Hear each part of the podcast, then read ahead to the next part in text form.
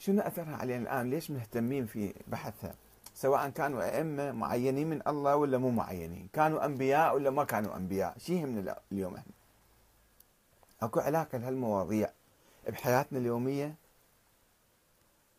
أكو نعم، أكو ناحيتين، ناحية ألف سنة إحنا اخترعنا بناء على هاي النظرية أنه الله لازم يبعث أئمة معينين معصومين من السماء هو يعينهم والحسن العسكري توفى وما قال أنا عندي ولد فلازم نفترض عنده ولد. ما يصير هاي النظرية تخرب. هاي النظرية إذا إحنا ما قلنا, قلنا صدقنا الإمام الحسن العسكري وقلنا له صحيح كلامك أنت ما عندك أولاد. يعني نظريتنا انهارت. وما لازم تنهار هاي النظرية لازم تبقى حية. وإحنا نبقى نحافظ عليها. فاذا لازم نختلق فد ولد للإمام الحسن العسكري. طيب هذا الولد اللي اختلقناه وينه مو غير يظهر يجي يقود الناس. إذا هو معين من الله قالوا ها هو خايف أبو ضمه بالسر. طيب شلون بالسر ويصير حجة علي يصير حجة على الناس. غير يظهر أمام الناس حتى يصير حجة عليهم. قالوا لا هو مو غائب الآن. غائب وبعدين راح يظهر في المستقبل. كم سنة بعد؟ يعني في 10 20 سنة بعد. مرت عشرات السنين. قالوا في 40 سنة بعد. مرت 40 قالوا 70 سنة راح 70 سنة وما ظهر أي واحد. بعدين قالوا شنو؟ قالوا ما يصير أي واحد يقوم بحركة ثورية أو يشكل حكومة سياسية إلا أن ينتظر هذا الإمام اللي الله معينه عنا وألف سنة إحنا قاعدين ننتظر ونحرم إقامة الدولة والمشاركة السياسية والثورات لأنه ما يجوز إحنا نقوم بثورة إلا الإمام المعصوم يجي يقودنا. كل راية هاي الرواية كان مشهورة عندهم. كل راية قبل راية المهدي فهي راية ضلالة وصاحبها طاغوت يعبد من دون الله. شوفوا هاي الرواية موجودة في مقدمة الصحيفة السجادية. الصحيفة السجادية طلعها الخليفة العباسي الناصر لدين الله. ما كان أحد يعرف بالصحيفة السجادية قبل ذلك التاريخ. ولذلك ما تشوفون شيء من عندها موجود بالكافي مثلا. فهذا الناصر لدين الله العباسي وضع هذا الحديث أيضا. أن كل راية قبل راية المهدي فهي راية ضلالة وصاحبها طاغوت حتى يا شيعة ناموا ناموا بالسرداب. وهو راح حفر سرداب الغيبة. هذا الناصر لدين الله العباسي. بالقرن السادس كان موجود هذا. قال روحوا ناموا بالسرداب وانتظروا الإمام يطلع من هناك وألف سنة إحنا نايمين وقاعد ننتظر صاحب الزمان يطلع حتى يجي الفرج. ويا نستغيث فيه وما يطلع. والآن صارت ثورة عندنا حوالي من خمسين سنة بدأ الفكر الشيعي يتغير. قالوا هذا الفكر مو صحيح شو ننتظر؟ إلى متى ننتظر؟ خلي إحنا نسوي ثورة نسوي ثورة تمهيدا للإمام المهدي. وإجوا العلماء قالوا طيب إحنا خلينا نسوي ولاية الفقيه أن الفقهاء نواب ذلك الإمام اللي ما ظهر. وانت ليش نواب له إذا هو أكو إمكانية يظهر فهو يظهر ليش أنتم تنوبون عنه؟ وتسوون دولة. مثل ما قال صاحب الجواهر. صاحب الجواهر محمد حسن الجواهري صاحب الجواهر اللي بالقرن التاسع عشر كان أواسط القرن التاسع عشر وهذا مؤلف موسوعة فقهية كبيرة أكبر موسوعة. جواهر الكلام يقول في كتاب القضاء يقول يعني آه، إحنا ما يمكن نسوي دولة الآن. ليش؟ لأنه إذا كان ممكن كان الإمام طلع هو سوى الدولة. وعندما نعرف أنه ما ما طلع. يعني أنه ماكو إمكانية نسوي دولة وثورة. فأحسن شيء خلينا نقعد وننام. من خمسين سنة قالوا لا ولاية الفقيه. الفقيه هو نائب الإمام. طيب نهضنا. الشيعة نهضوا. كانوا نايمين ألف سنة نهضوا. نهضوا قالوا إجوا الفقهاء قالوا طيب تعالوا إحنا نواب الإمام المهدي. وعندنا صلاحيات الإمام والإمام عنده صلاحيات النبي فإحنا عندنا صلاحيات النبي. وإحنا معينين من قبل الله مجعولين ومنصوبين ومعينين من الله تعالى الفقهاء. فعندهم صلاحية مطلقة. ويقدرون يسوون انقلاب عسكري. يقدرون يلغون الدستور. يقدرون يحكمون كيفهم مثل ما يردون. ما حد ما يقدر يناقشهم. ولا أحد يرد عليهم والرد عليهم. كالراد علينا والراد علينا كالراد على الله حرام عليك تحكي كلمة قدام المجتهد أو المرجع وهذه ولدت لنا حالة من الدكتاتورية، الدكتاتورية الدينية. انه يجي العالم، صحيح أكو علماء قاموا بأدوار تاريخية، السيد محمد حسن الشيرازي حرم التنباك وبالتالي قضى على الشركة البريطانية الاستعمارية في أواخر القرن التاسع عشر. والشيخ محمد تقي الشيرازي أفتى بثورة العشرين. والعلماء راحوا قاتلوا الاحتلال البريطاني. والإمام الخميني سوى ثورة على الشاه.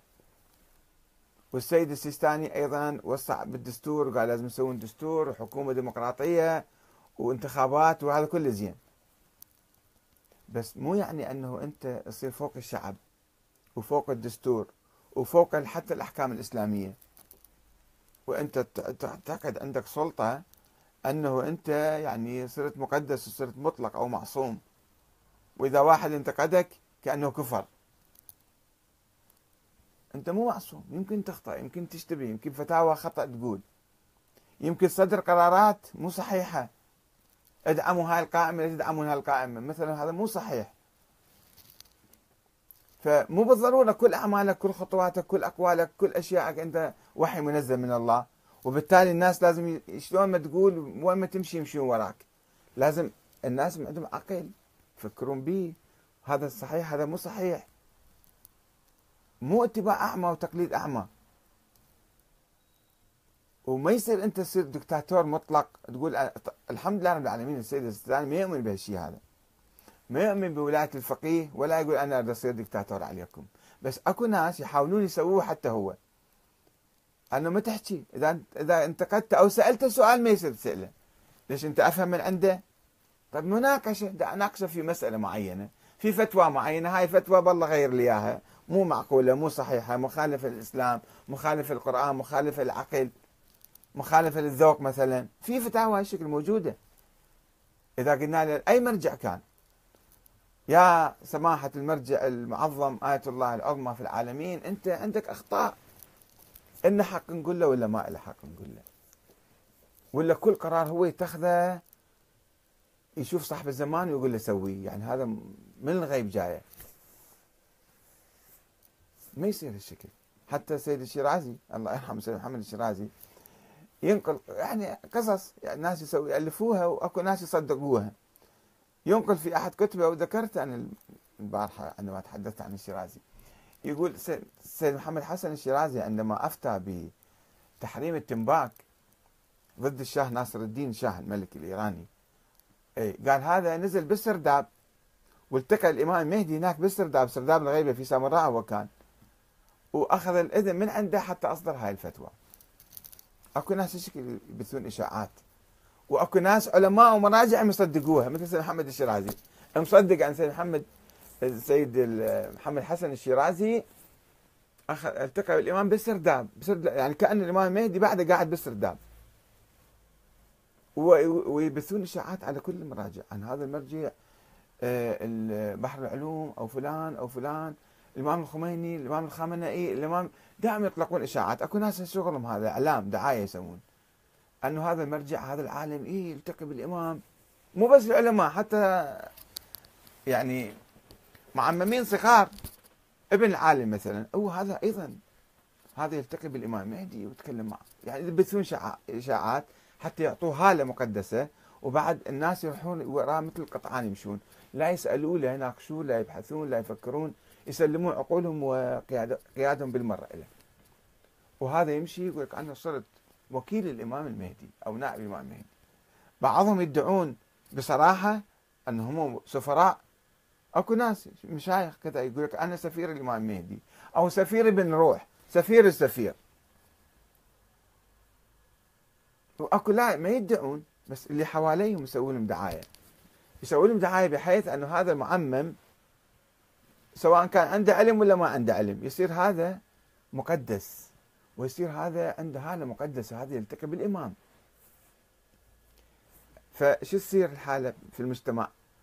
حالة ديكتاتورية سواء حكم أو لم يحكم. تصير حالة ديكتاتورية في المجتمع أنه هذا الحزب إلى أتباع يقلدوه ويطيعوه طاعة عمياء لأنه يعتقدون هذا ممثل الإمام المهدي. منين جاي الفكرة؟ من وجود الإمام المهدي. الاعتقاد بوجود هذا الإنسان اللي ماكو أي دليل على وجوده. فيقولون لا منين جابوه؟ من نظرية الإمامة. فأول شيء سووا نظرية الإمامة. بعدين قالوا ما يصير تنقطع وتروح لازم تستمر اليوم القيامة. هاي النظرية. إذا فلازم في كل زمان أكو واحد إمام معصوم من الله وهو الإمام المهدي الحي. كما مكتب السيستاني البارحة نشروا البيان مالهم أنه من القرآن القرآن يؤكد على وجود الإمام المهدي وولادته. استنبطوا من عندها. كانوا يجيبون آيات ويعصرون الآيات القرآنية ويأولوها تأويل تعسفي حتى يثبتون وجود إنسان موهوم. لا حقيقة له وليس له وجود. حتى يسوون شنو؟ يسوون حالة ديكتاتورية.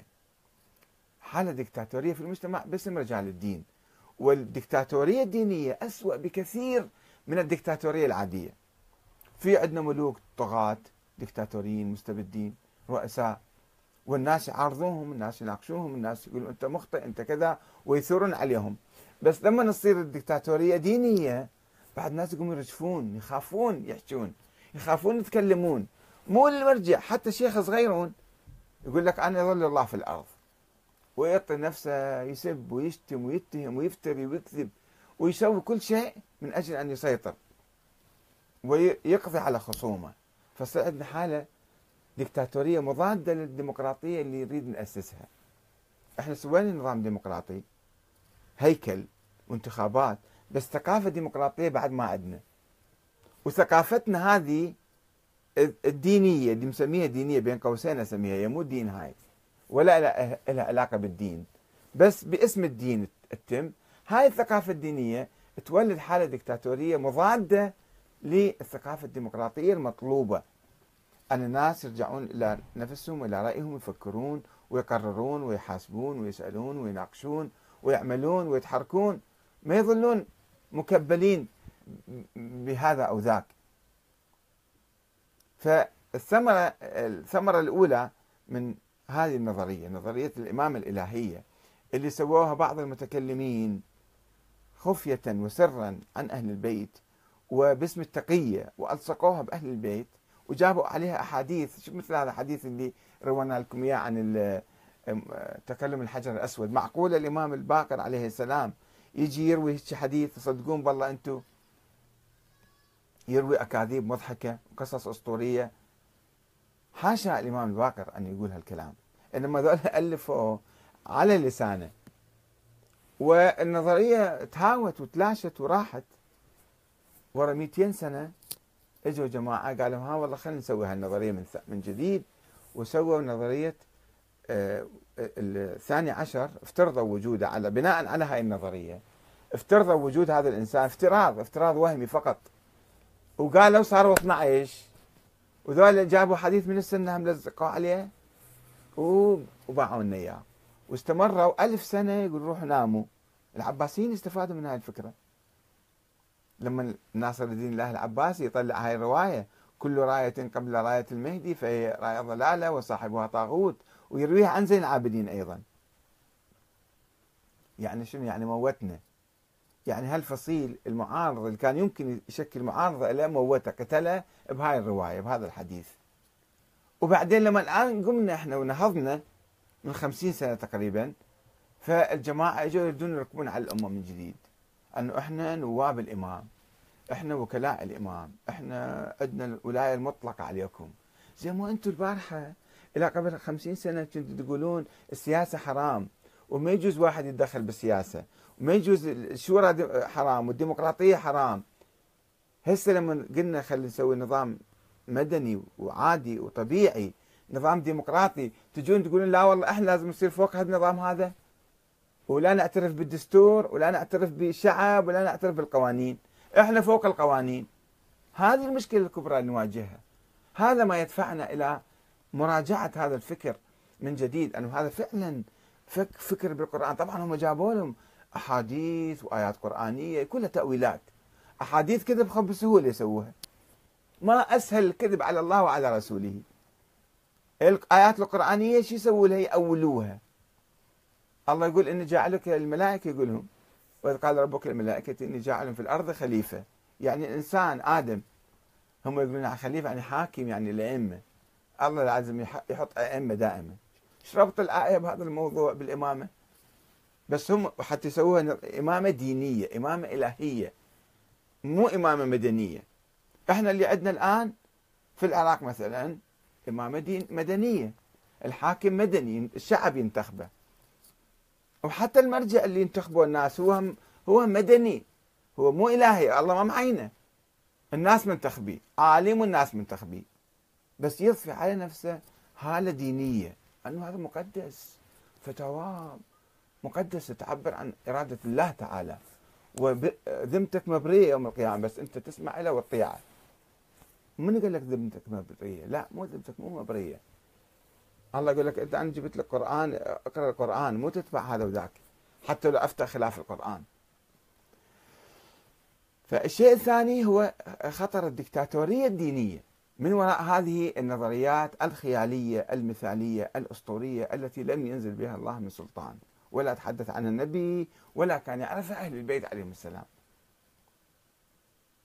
هذا والسلام عليكم ورحمة الله وبركاته.